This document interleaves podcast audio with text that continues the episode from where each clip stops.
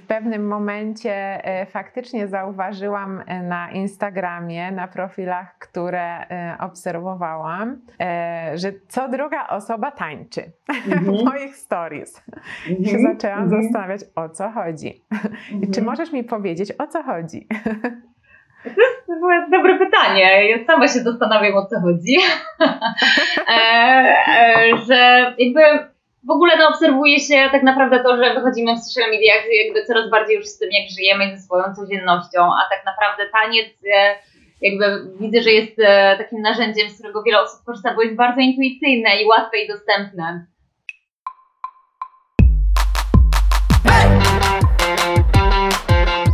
E,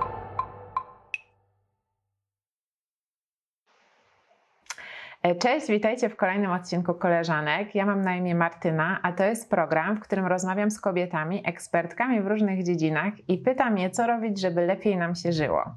I dzisiaj jest ze mną Karolina Chudek. Karolina prowadzi w mediach społecznościowych profil Sisterhood and Son wraz ze swoją siostrą Wiolą. I e, dzisiaj spotykam się z Karoliną, bo chcę rozmawiać o siostrzeństwie, o praktykowaniu uważności i o odkrywaniu swojej kobiecości. A, a jesteś tutaj ze mną dlatego, że dużo o tych rzeczach mówicie właśnie na Facebooku, e, na Instagramie. E, mówicie ty i twoja siostra, bo dzielicie się tam przemyśleniami na temat emocji, na temat natury, ciała, wolności, podróży, kobiecości, więc tych tematów jest sporo. Organizujecie też różne warsztaty, kręgi kobiet, pokazujecie w, w mediach społecznościowych przepiękne fotografie. Dziękuję Ci bardzo, że jesteś dzisiaj ze mną. Ja Ci dziękuję za zaproszenie, Martyna. Cześć. Karolina, to ja bym chciała zacząć od y, tego siostrzeństwa. Ja, jak myślę o siostrzeństwie, to trochę mm, mam takie mieszane uczucia, bo nie wiem, jak to było u ciebie, kiedy dorastałaś, ale ja trochę się wychowywałam w takim podejściu albo e, gdzieś takie myśli mi się pojawiały na podstawie różnych doświadczeń, że nie zawsze kobiety wspierają się nawzajem.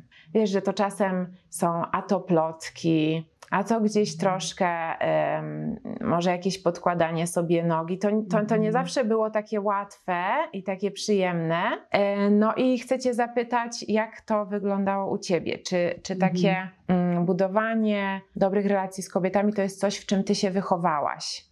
dla mnie właśnie siostrzeństwo nie jest wcale takie różowe. Siostrzeństwo jest przede wszystkim o prawdzie, a prawda jest dokładnie taka, jaka mówisz, że my w naszym doświadczeniu, w byciu z kobietami, mamy różne doświadczenia. U mnie ta hmm. droga była dosyć naturalna, ponieważ e, no, ja mam siostrę rodzoną, z którą prowadzę też profil Sisterhood. Mm, I u nas gdzieś ta więź zawsze od początku była taka dosyć naturalna i my się wychowałyśmy w tej takiej figurze siostrzeństwa i, i myślę, że tutaj hmm. też była duża rola naszej mamy, która jakby to wspierała. Oczywiście nie przez całe życie tak było. Był taki etap, w którym dużo więcej nas dzieliło niż nas łączyło i, i gdzieś tam szłyśmy zupełnie innymi ścieżkami, e, ale to też jest pewnego rodzaju cykliczności, czyli jakby tego takiego trochę zbliżania się i oddalania, jeśli oddalania to dlaczego. A jak są takie momenty, jak były takie momenty, w których um, oddalałaś się y, ze swoją siostrą, to masz jakieś y, pomysły na to, dlaczego tak się działo? Tak, wiesz co, to były też takie momenty nastoletniego życia właśnie, które mam wrażenie w ogóle ten okres nastoletni jest taki niezwykle trudny i weryfikujący na wielu polach. Między mhm. nami też była jakaś różnica wieku i my po prostu też, nasze zainteresowania, w ogóle nasze życia były kompletnie inne. Hmm. I tam nie było tak dużo punktów zapalnych, które wy teraz widzicie na Sisterhood and które my pokazujemy. Jakby w tej chwili naprawdę jesteśmy blisko, ale był taki etap, że żyłyśmy kompletnie innymi życiami i to bardziej chodziło właśnie o to, że mamy inne przestrzenie, mniej tych wspólnych w życiu, mhm. nawet żeby realnie ze sobą spędzać czas. Mm, I, e, I to był też jakiś etap, który nam też pokazał jakieś tam rzeczy, jak widzimy świat. I dla mnie też to jest coś, co się dzieje w kręgach, czyli jesteś kompletnie inna niż ja. Jakby kręcą cię hmm. inne rzeczy, e, ale i tak mam do ciebie szacunek i widzę cię i cię słyszę. Tak, e, widzę cię, e, widzę cię, rozumiem, ale też lubię cię chyba taką, jaka jesteś i chcę z tobą spędzać czas, mimo że się różnimy. Tak, to jest też o tym, to jest też o tym, jakby, mm, żeby pozwolić być sobie i pozwolić mhm. być innym. A możemy właśnie wybrać, czy cię lubię, czy cię nie lubię. W kręgu na przykład jest tak, że spotykamy się i nie zawsze jest, chodzi o to, żeby się ze sobą zaprzyjaźnić jakby mhm. wręcz przeciwnie, usłyszeć się i zobaczyć w, tym, w tej różnorodności. Um, a zastanawiam się jeszcze, czy mhm. w momencie, kiedy zaczęłaś, e, kiedy zaczęłyście um, odkrywać ze swoją siostrą to, co was łączy, to, mhm. to było intencjonalne, bo bo wiesz, teraz jakby ja też słyszę z różnych stron, że nad relacjami y, trzeba pracować. I czy to mhm. było, wiesz, y, właśnie coś, nad czym wy pracowałyście? To jest chyba coś, co przyszło też w takim naturalnym, życiowym procesie. E, mhm. I to nie było raczej dociskane. U nas to rzeczywiście było coś takiego, my miałyśmy jednak mocne to ziarno zasiane już jako dzieci tego siostrzeństwa, więc my w tym rosłyśmy. E, I to rzeczywiście przyszło u nas bardzo naturalnie. Faktycznie tak było. Ja też nie jestem zwolenniczką, żeby się właśnie do czegoś zmuszać, bo coś musi być przepracowane, coś musi być zrobione. Jakby bardzo lubię polegać na intuicji i takim mhm. wewnętrznym prowadzeniu i sprawdzaniu, co jest dla mnie na ten moment możliwe, co mi może posłużyć, co, może, co mogę dać, co mogę wziąć. Um, mhm. Też właśnie na mhm. zasadzie takiej e, harmonii. Mhm to wymaga e, dużej uważności, właśnie, bo to wcale nie jest tak łatwo usłyszeć e, ten swój mm. głos. E, ty masz jakieś sposoby na to, jak, jak, te, jak ten głos słyszysz? Mhm. To jest doświadczenie na całe życie. Jakby tego hmm. się uczymy całe życie. Ja uważam, że to jest w cyklach nieustannego gubienia się i odnajdywania. I tych, hmm. mm, tych metod mo moich kontaktów E, ze sobą no jest dużo. Jakby ja też głównie z tym pracuję, więc mi jest po prostu trochę zawodowo łatwiej, bo ja to eksploruję pod kątem jakimś zawodowym. Jestem w trakcie mhm. teraz szkoły psychoterapii, gestalt, jakby jestem blisko oh, tymi tematami, e, ale też nie było tak zawsze, jakby ta droga się też kiedyś zaczęła. Mm, a prawdopodobnie zaczęła się od takiego momentu zranienia, pogubienia i chęci uzdrowienia jakiejś części mnie mhm. i poszukiwania wtedy, takiej otwartości na poszukiwanie. I chyba od tego punktu otwartości się zaczęło, że ja zaczęłam eksplorować i sprawdzać, co by mi tu mogło posłużyć, żeby odnaleźć siebie, być bliżej siebie, jakby wejść na, na jakąś taką drogę swojego wnętrza, swojego potencjału. Hmm. Hmm. Nie wiem, czy odpowiedziałam na Twoje pytanie. E, nawet jeśli nie, to ja zaraz dopytam. Dobra. Odnajdowanie e, i gubienie bardzo mi się mhm. spodobało, mhm. E, bo mam tendencję do e, bardziej takiego myślenia zero-jedynkowego, że mhm. okej, okay, to teraz wypracuję taką i taką metodę, ona mi przyniesie to i to, no i czekam na ten efekt. Mhm. A jednak y, życie tak nie wygląda w ogóle. Bardziej jest tak, jak powiedziałaś, że jedna metoda zadziała teraz, potem ją zgubimy, mhm. potem może i ona wróci za jakieś pół roku, rok, a może będzie trzeba właśnie poszukać jakiejś innej. Ale. Mhm. Ale jeszcze wracając do tego mojego pytania, to na teraz, jak ty szukasz swojego głosu? Mm, wiesz co, na ten moment chyba najbliższy jest mi kontakt z ciałem, mm, poprzez, e, poprzez taniec intuicyjny tak naprawdę, e, poprzez kontakt z naturą mhm. e, i takie małe codzienne rytuały, też znienawidzone mhm. słowo codzienna dyscyplina. To czym dla Ciebie jest ta dyscyplina? W mhm. jaki sposób Ty ją praktykujesz i po co? Mhm.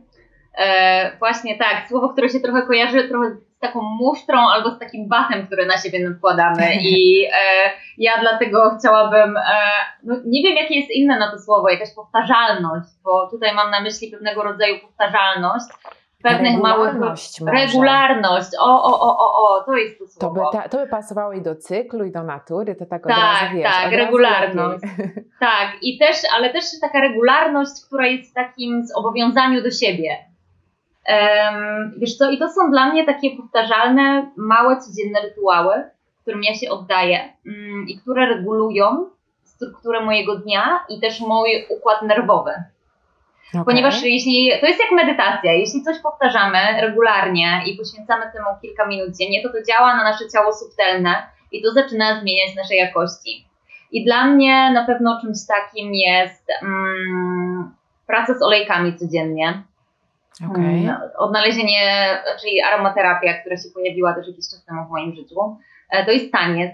E, I ten taniec mm. jest właśnie albo rano, albo wieczorem, właśnie bardzo często po to, żeby strzepnąć um, z tego dnia coś, co chcę oddać i też taki ruch fizyczny, on generuje endorfiny, więc też inaczej się e, czuję po tym, jak trochę spuszczę z siebie pewnych rzeczy.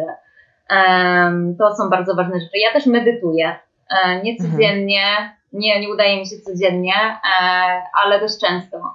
To też mi pomaga zachować taki pion. I to nie jest jakaś skomplikowana medytacja. To jest kilka minut bycia ze sobą w oddechu. I to bardzo dużo mi daje. Hmm. I też taką ważną rzeczą jest dla mnie journaling, pisanie w zeszycie, dużo piszę mm. Mm, i mhm. praktykuję wdzięczność co wieczór i to jest taka moja dyscyplina, użyję tego słowa jednak, że codziennie piszę mm, w zeszycie każdego wieczoru, za co jestem wdzięczna. Bo to też właśnie pokazuje ta codzienność, że nie piszę wtedy tylko, kiedy czuję tą wdzięczność i teraz chcę sobie to zapisać, ale właśnie jest to szczególnie dla mnie ważne, kiedy mój dzień był kiepski, fatalny, i ja mhm. mogę zmienić swoje energie i zobaczyć też, co ja mogę z tego dnia wynieść dla siebie. Mhm. Mm. Mhm. Totalnie, bo. Y no bo jak jesteś zadowolona, to y, też y, chyba często wiesz, dlaczego jesteś zadowolona. Mhm. Coś, coś się wydarza i jest super. A jak jest odwrotnie, to, y, to no, automatycznie znowu skupiamy się na tym, co złe E, a fajnie wyjść i dostrzec, że no może y, to, co się wydarzyło w ciągu ostatniej godziny, nie musi rzutować znowu na kolejnych 20. To jest super to, co mówisz. Że właśnie tą niewinną praktyką wdzięczności też jesteśmy naprawdę w stanie przekierować swój dzień na inne jakości. Tak. Naprawdę. I znowu nie chodzi o to, żeby zmuszać się do czegoś. Tak. Ale żeby gdzieś po prostu rzucić cień, jakąś inną myśl, że może dostrzec coś innego, prawda? Totalnie, bo my mylimy często wdzięczność, przynajmniej ja długo myliłam wdzięczność, wcale nie uważam tego za taką świetną praktykę, z mhm. Lukrowaniem bullshitu po prostu. Że, też, ma, też rozumiem to. Mhm. Aha, że my po prostu myślimy, że teraz tutaj sobie wyprzemy, bo zaprosimy wdzięczność i, i to nie chodzi o to, żeby mhm. właśnie wypierać e, jakby to, co jest złe, czy złe, Boże, no jakby trudniejsze, e, tak. ale żeby znaleźć sobie, pomieścić w sobie przestrzeń, okej, okay, to jest takie, w tym obszarze na przykład dzisiaj się źle czuję, albo tu mam żałobę za tym, ale jestem też wdzięczna za to i za to. I jakby naprawdę ta pojemność, my jesteśmy w stanie ją wygenerować i wtedy nie jesteśmy też w konflikcie ze sobą. Tylko jakby i to jest prawda, i to jest prawda dla mnie na ten moment. Mhm. To tak, to jeszcze wrócę. No tak, mhm. bo zaczęłaś mówić o tańcu mhm. e, i w pewnym momencie e, faktycznie zauważyłam e, na Instagramie, na profilach, które e, obserwowałam, e, że co druga osoba tańczy mhm. w moich stories. I się mhm. zaczęłam mhm. zastanawiać, o co chodzi. I czy możesz mi powiedzieć, o co chodzi? To jest dobre pytanie. Ja sama się zastanawiam, o co chodzi. e, e, że jakby w ogóle no, obserwuje się tak naprawdę to, że wychodzimy w social mediach jakby coraz bardziej już z tym, jak żyjemy ze swoją codziennością, a tak naprawdę taniec e, jakby widzę, że jest e, takim narzędziem, z którego wiele osób korzysta, bo jest bardzo intuicyjne i łatwe i dostępne. E, więc pewnie to jest jakaś część tego, chociaż mogę się tutaj mylić, jakby ja to tak widzę. Um, no ale rzeczywiście jakby mam też wrażenie, że mm, temat tańca zaczął się trochę bardziej oswajać i za tym idzie też moim zdaniem temat ciała, które się oswaja i jakby to się trochę zaczęło od, e, z takim pokazywaniem też w duchu i body positive i tego, jak w ogóle my wyglądamy naprawdę w tej naszej e, codzienności, jakby nie tylko na tych super fotografiach, które gdzieś tam hmm. wrzucamy, hmm. które są zrobione w pięknych miejscach e, pod islandzkim wodospadem, ale też właśnie jak my żyjemy na co dzień, jak my funkcjonujemy. Mm, I u mnie ta przygoda z tańcem i z tym pokazywaniem się w tańcu zaczęła się, mm, nie wiem, nawet chyba jak czasowo linearnie, może półtora roku temu. E, I chodziło tak naprawdę o takie przełamanie wstydu przed sobą. Okej, okay, super. Żeby, żeby zobaczyć siebie i swoje ciało właśnie w tym takim totalnie naturalnym ruchu, bo my też mamy często określoną wizję tego, jak my wyglądamy, jak chcemy się zaprezentować w social mediach. E, dla mnie to było coś takiego, że ja chciałam siebie zobaczyć taka, jaka jestem i wrzucić hmm. to i zobaczyć jakby co mi, co mi robi też ocena kilku tysięcy osób, tego, że ktoś to wyświetli tyle ludzi, czy jak ja się stępuję, hmm. o czym to jest dla mnie, czy hmm. jestem tu dla siebie, czy jestem tu dla aplauzu. E, bardzo ciekawa była dla mnie też ta eksploracja po drodze. A I też chciałam pokazać. Co? Mhm. Mhm. Możesz powiedzieć, e... co, co, e, co się okazało, co z tego wyszło? Że to jest super uwalniające uczucie, po pierwsze. Jakby hmm. to było super dla mnie uwalniające. I też okazało się, że tańczy mnóstwo osób i wszyscy mhm. wyglądamy tak samo. Jakby tak samo, nie tak samo, bo to jest też w cudzysłowie, ale po prostu jesteśmy ludźmi, którzy też chcą się cieszyć sobą i życiem w tańcu.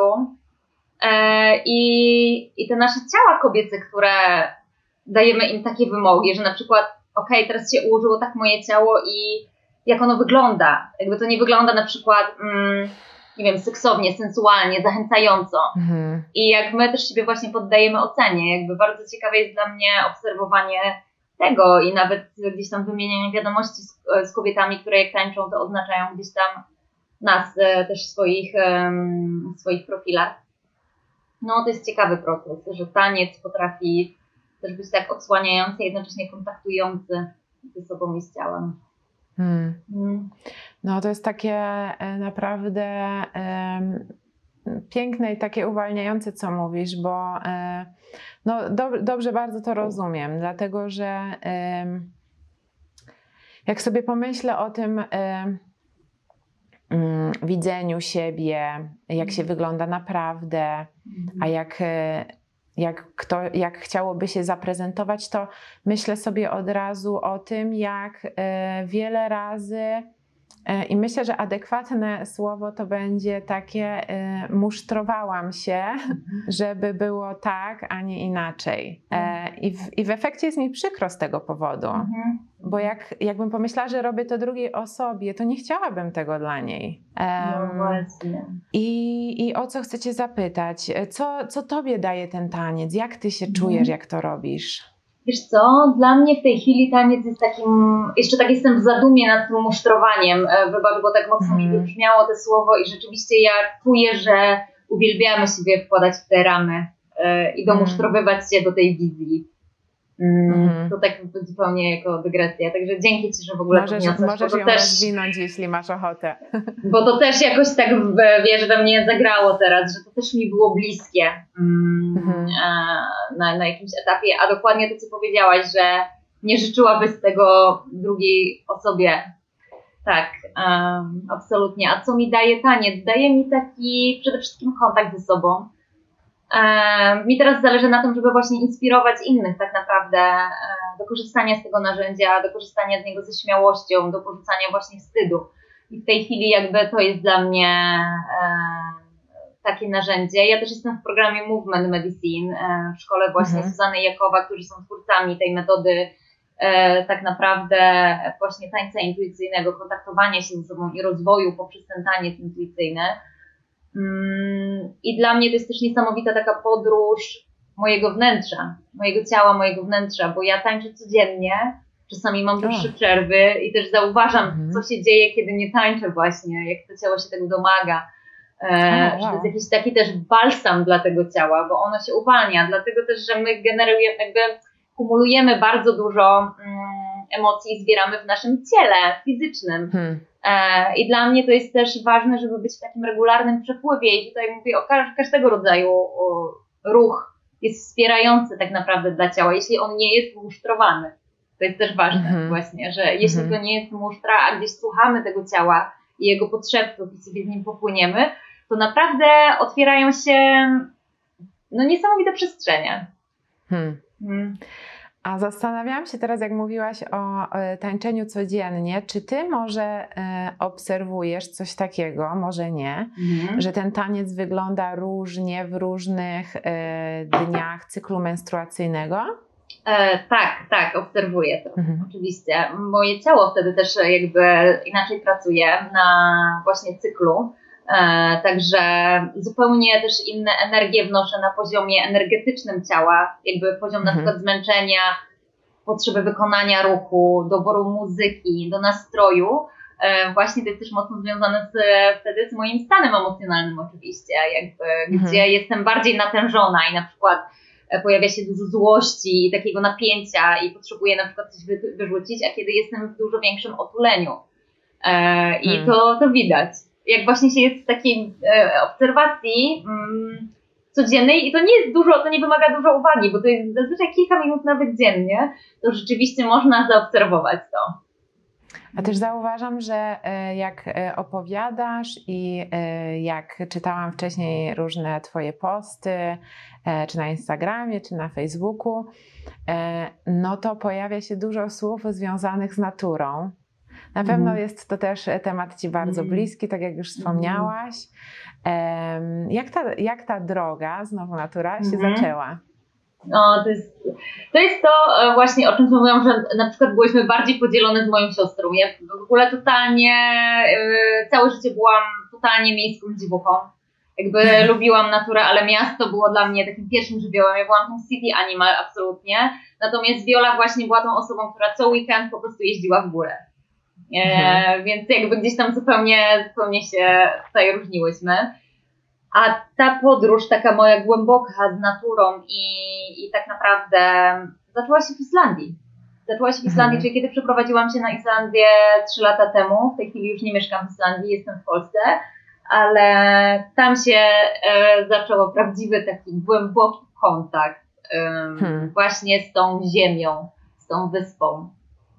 Mhm. I na czym to, on polegał?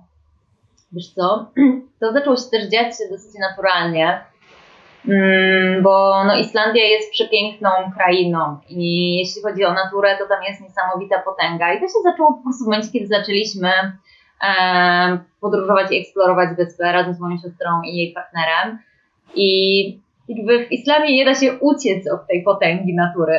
Ona po prostu tam jest pierwsza. Co to znaczy? To znaczy, że ona, e, nie wiem, wyznacza rytm dnia, że um, wyznacza jakoś um, Twoje zadania codzienne? Mm. Na, na, czym to polega? Mhm.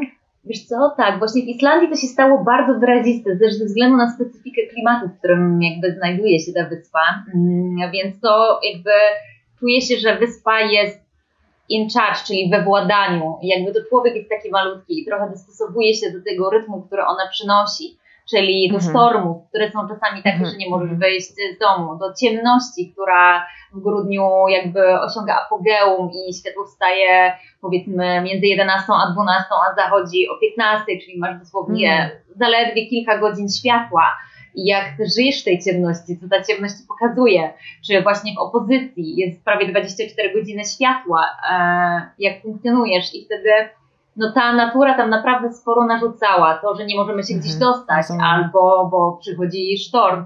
I to jest też takie opuszczaniu kontroli, tej takiej człowieczej kontroli, której jesteśmy nauczeni, że po prostu no przychodzi taki moment, że naprawdę nie da się nic zrobić i trzeba gdzieś ugrzęznąć na dwie doby, no bo nie ma stamtąd wyjazdu, bo wszystko zasypało, jest sztorm i to jest niebezpieczne. I mnie to dużo nauczyło właśnie o takim odpuszczaniu. Mhm. I pobyciu ze sobą nawet właśnie w, te, w tym takim spokoju, ciszy i obserwacji, że jest coś trochę większego niż ja. Hmm. Przeraziła mnie ta godzina jasności dziennie. o tak.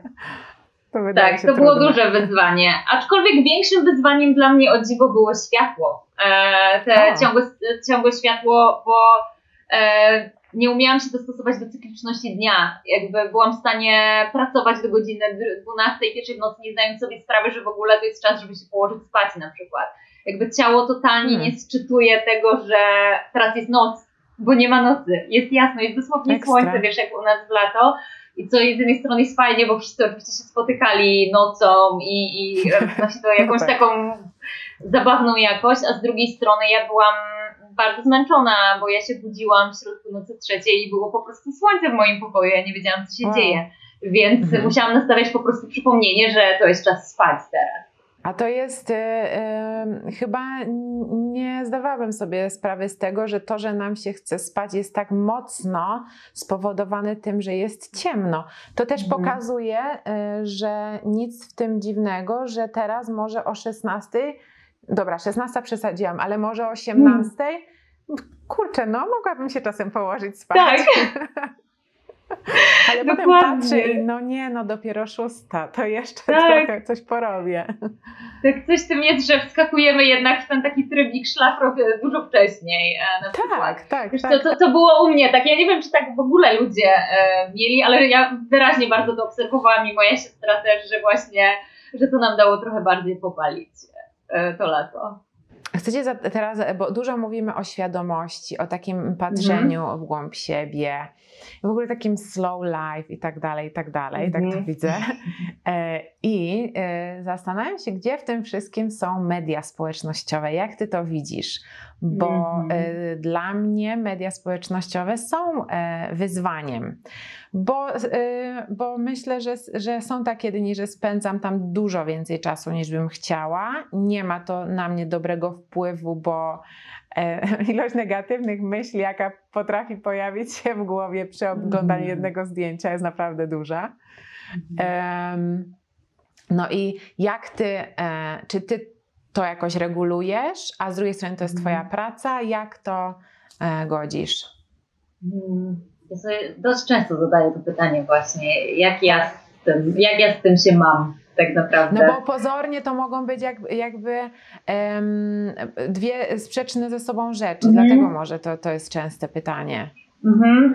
E, właśnie i ja chyba się trochę nauczyłam przez ten czas, jak funkcjonujemy jako Sisterhood and Son, czyli przez te dwa lata, kiedy jesteśmy dość aktywne w mediach społecznościowych, też na takim poziomie biznesowo-zawodowym, um, że to jest narzędzie, i mhm. jak ja chcę używać tego narzędzia. E, I ostatnio też łapię się na tym, że jak najmniej scrolluję, że mhm. mam też taką mocną intencję, jak najmniej scrollować i być w tych mediach społecznościowych na zasadzie łażenia po wszystkich kontach, oglądania stories, e, właśnie scrollowania, a na ile ja jestem jako kreator i chcę kreować treści. I na tym się po prostu mhm. skupiam, tak naprawdę. E, ale to też była droga, to nie było tak, że jakby mi to od razu wskoczyło. Ja miałam, robiłam sobie też często i regularnie robię czystki na koncie, czyli te konta, które chociaż minimalnie powodują jakiś mnie niepokój, czy, czy odpalają jakieś emocje, które um, powodują właśnie ten, głównie to jest niepokój, to jest ten taki um, czynnik, mhm. który się przejawia, kiedy ja przedawkowuję social media E, to mm, ja daję po prostu unfollow i ja to regularnie sprawdzam, ale też sprawdzam o czym to hmm. dla mnie jest. Na przykład, hmm. jakby widzę profile też innych kobiet, powiedzmy, i o czym to jest. Czy rzeczywiście jest tak, że to konto mi nie służy i te treści na przykład nie są zgodne z moim światopoglądem i nie chcę tego w swojej przestrzeni, czy na przykład to też odpala we mnie jakiś trigger na zasadzie mm, chcę tak mieć, a tak nie mam. Mm-hmm. Mm, Bo to jest też często te, ta, ta jakość e, social mediów, że wow, nie? że tutaj ktoś jest mhm. właśnie w podróży życia po Ameryce Południowej. Moje marzenie, nie mogę na to patrzeć. I co, I, te wtedy unfollow? Wiesz co, jeśli jestem ze sobą szczera i wiem e, jakby z której części mnie to płynie, to to robię. Daję ten unfollow, bo mi to nie służy. Na przykład to mhm. powoduje coraz moją większą frustrację i myślę o tym, że E, nie mam teraz czasu, jest COVID, nie mam pieniędzy, jakby na taką inwestycję, jak ja to mam zrobić i tak dalej. Jeśli to jest rzeczywiście od tej strony i ja to robię świadomie, to jestem gotowa dać ten unfollow. Jakby ja też mhm. uważam, że pewne, mm, że trzeba dbać o swoją przestrzeń. A to nie chodzi o odcinanie no, się tego, że o, teraz będę udawała, że to nie istnieje. Jakby ta jakość dalej we mnie jest, jasne, ale na przykład może teraz nie mam momentu, żeby się temu bliżej przyjrzeć i to jest mhm. zbyt na przykład raniące w tej chwili dla mnie.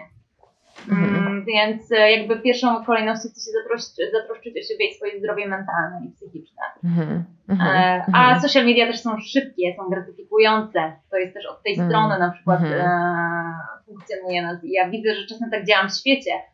Dla mnie cierpliwość i wytrwałość to są rzeczy, które mi jest bardzo trudno jakby w ogóle wprowadzać w życie. Pewnie. Bo, bo jesteśmy w tak szybkiej gratyfikacji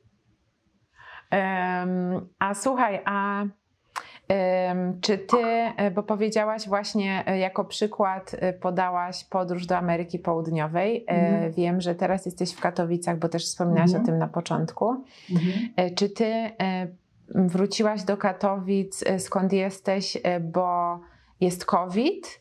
Czy jakiś był inny mhm. powód? Bo te, oprócz pobytu na Islandii czy, czy w Islandii, mhm. mm, też podróżowałaś, e, w, wiem właśnie swoich social mediów po Izraelu. Mhm. Mm, no więc to jest, to jest powrót, przerwa. Jak to widzisz? Wiesz co, to jest jakaś część drogi mojej, po prostu mojej mhm. podróży takiej życiowej. Ja rzeczywiście jestem z Katowic, wyjechałam stąd dobrych parę lat temu, mieszkałam parę lat w Warszawie, a potem przeprowadziłam się właśnie do Izraela i do Islandii. I plan był taki, jak ruszałam do Islandii, że właśnie e, zbieram kasę i wylatuję do Ameryki Południowej. Mhm. Ale dużo rzeczy mnie tam zatrzymało i finalnie zostałam tam na półtora roku. Mm, wróciłam mhm. ponad rok temu do Katowic, dlatego że odkryłam jakby dla siebie nowe jakości, nowy potencjał, nową ścieżkę zawodową, którą chciałam realizować e, i czułam, że Polska to jest miejsce, w którym ja chcę kontynuować.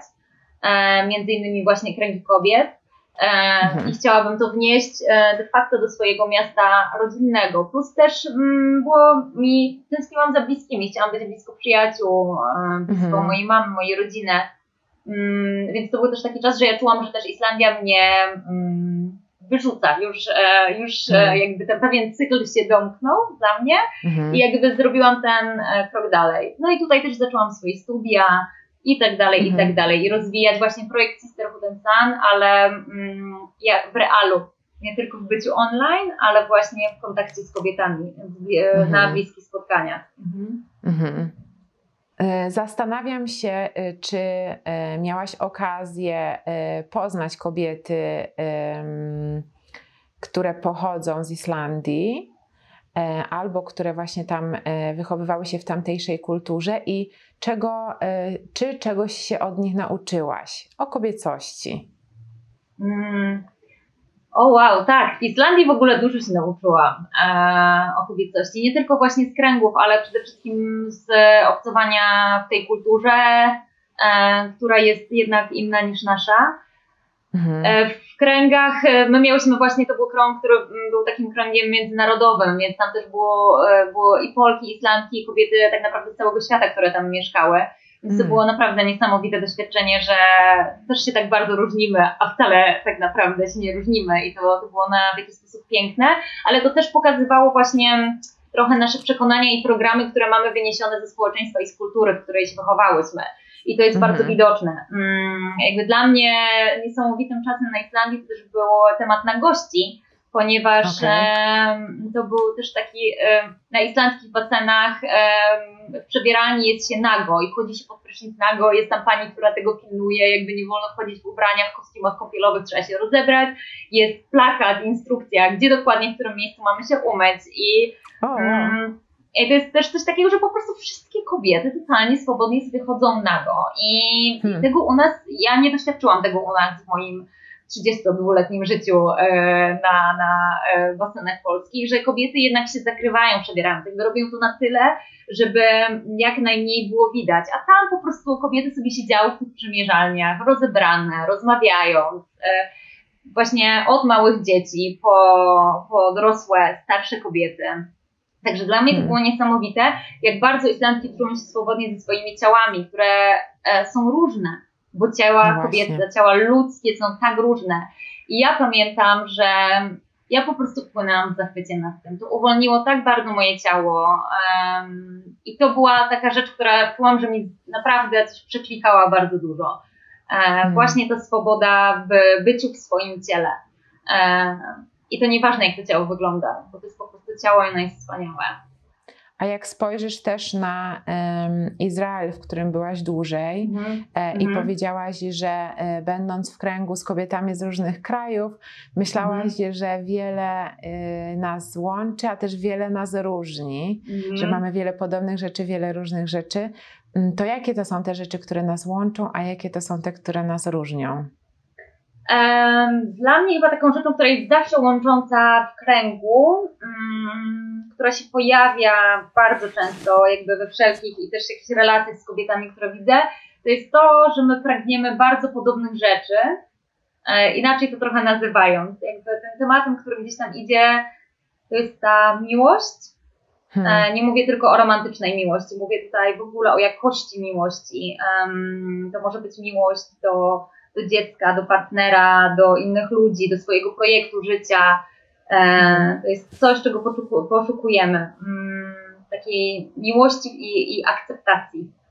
I to jest bardzo ludzkie, właśnie, że wychodzi ta ludzka jakość i wtedy trochę nie ma znaczenia, hmm. czy jesteśmy kobietami, czy mężczyznami. I dla mnie to jest właśnie o, o byciu człowiekiem tak naprawdę. A różni nas wychowanie, kontekst kulturowy, to czego nam wolno, nie wolno, nasze przekonania o ciele. Kobiety w Izraelu mm, też są zupełnie inne, jakby te dziewczyny są jakby wychowane w kraju, w którym de facto funkcjonuje od 10 lat w wojnie, w którym one hmm. muszą iść obowiązkowo do armii w wieku 18-19 lat na dwa lata, to oczywiście na nie wpływa i, i też e, hmm. wnosi też pewnego rodzaju jakości do nich inne. Jakby one, jakby powiedziałabym, nie chcę też generalizować, bo każdy jest kompletnie inny, ale też mają hmm. właśnie taką, są takimi mm, kobietami dla mnie wyrazistymi, e, hmm. trochę zadziernymi. E, I to, to tylko gdybym tak miała zgeneralizować e, powiedzmy w dwóch słowach, ale to jest oczywiście tak wielowymiarowe i wieloaspektowe. To zbliżamy się do końca i mam ostatnie pytanie jeszcze dla Ciebie, którym, którym się tak zainspirowałam. E, mam taką e, jedną ze swoich ulubionych e, podcasterek. To jest taka francuska dziennikarka Laurent mhm. Bastide. Ona chyba prowadzi jeden z najpopularniejszych w ogóle podcastów we Francji, tak mi się wydaje. Mm -hmm. I ona pyta w każdym odcinku swojej rozmówczynie, czy ty urodziłaś się kobietą, czy stałaś się kobietą? No i ja chciałam Ciebie dzisiaj o to zapytać. A, to jest dobre bardzo pytanie, bardzo trudne. bardzo trudne, bo in, e, i na to urodzenie mam takie i tak i nie, i na to stanie się, tu mam chyba większy tak. Wydaje mi się, że jednak e, ja czuję, że się stałam kobietą. E, mhm. Oczywiście moja płeć jest w jakiś sposób przypisana do bycia kobietą, ale ja myślę, że właśnie w tym całym długim procesie życiowym, różnym, mniej lub bardziej świadomym, ja się stawałam kobietą, jakby te jakości gdzieś były zapraszane na przestrzeni e, mojego życia, pewnie uwarunkowane, że płciowo jestem w stanie się zidentyfikować też jako kobieta. Tak, no dla mnie to jest mocno otwarte pytanie, właśnie z tego, co mhm. widzę. Tak, ja się tak zastanawiałam. Mm no nie mogę tak po prostu zgapić od niej tego pytania. Ale to jest naprawdę fajne pytanie. To jest naprawdę fajne pytanie. No. No. Trzeba je jakoś tak. przeformułować. Tak, ale to jest naprawdę dobre pytanie i ja rzeczywiście je ze sobą e, wezmę i je wpiszę i pozwolę mu pracować we mnie. Zobaczymy, no. co odkryje. Mhm. Dobrze, Karolina, to bardzo Ci dziękuję. Ja Ci dziękuję. Super się rozmawiało. No.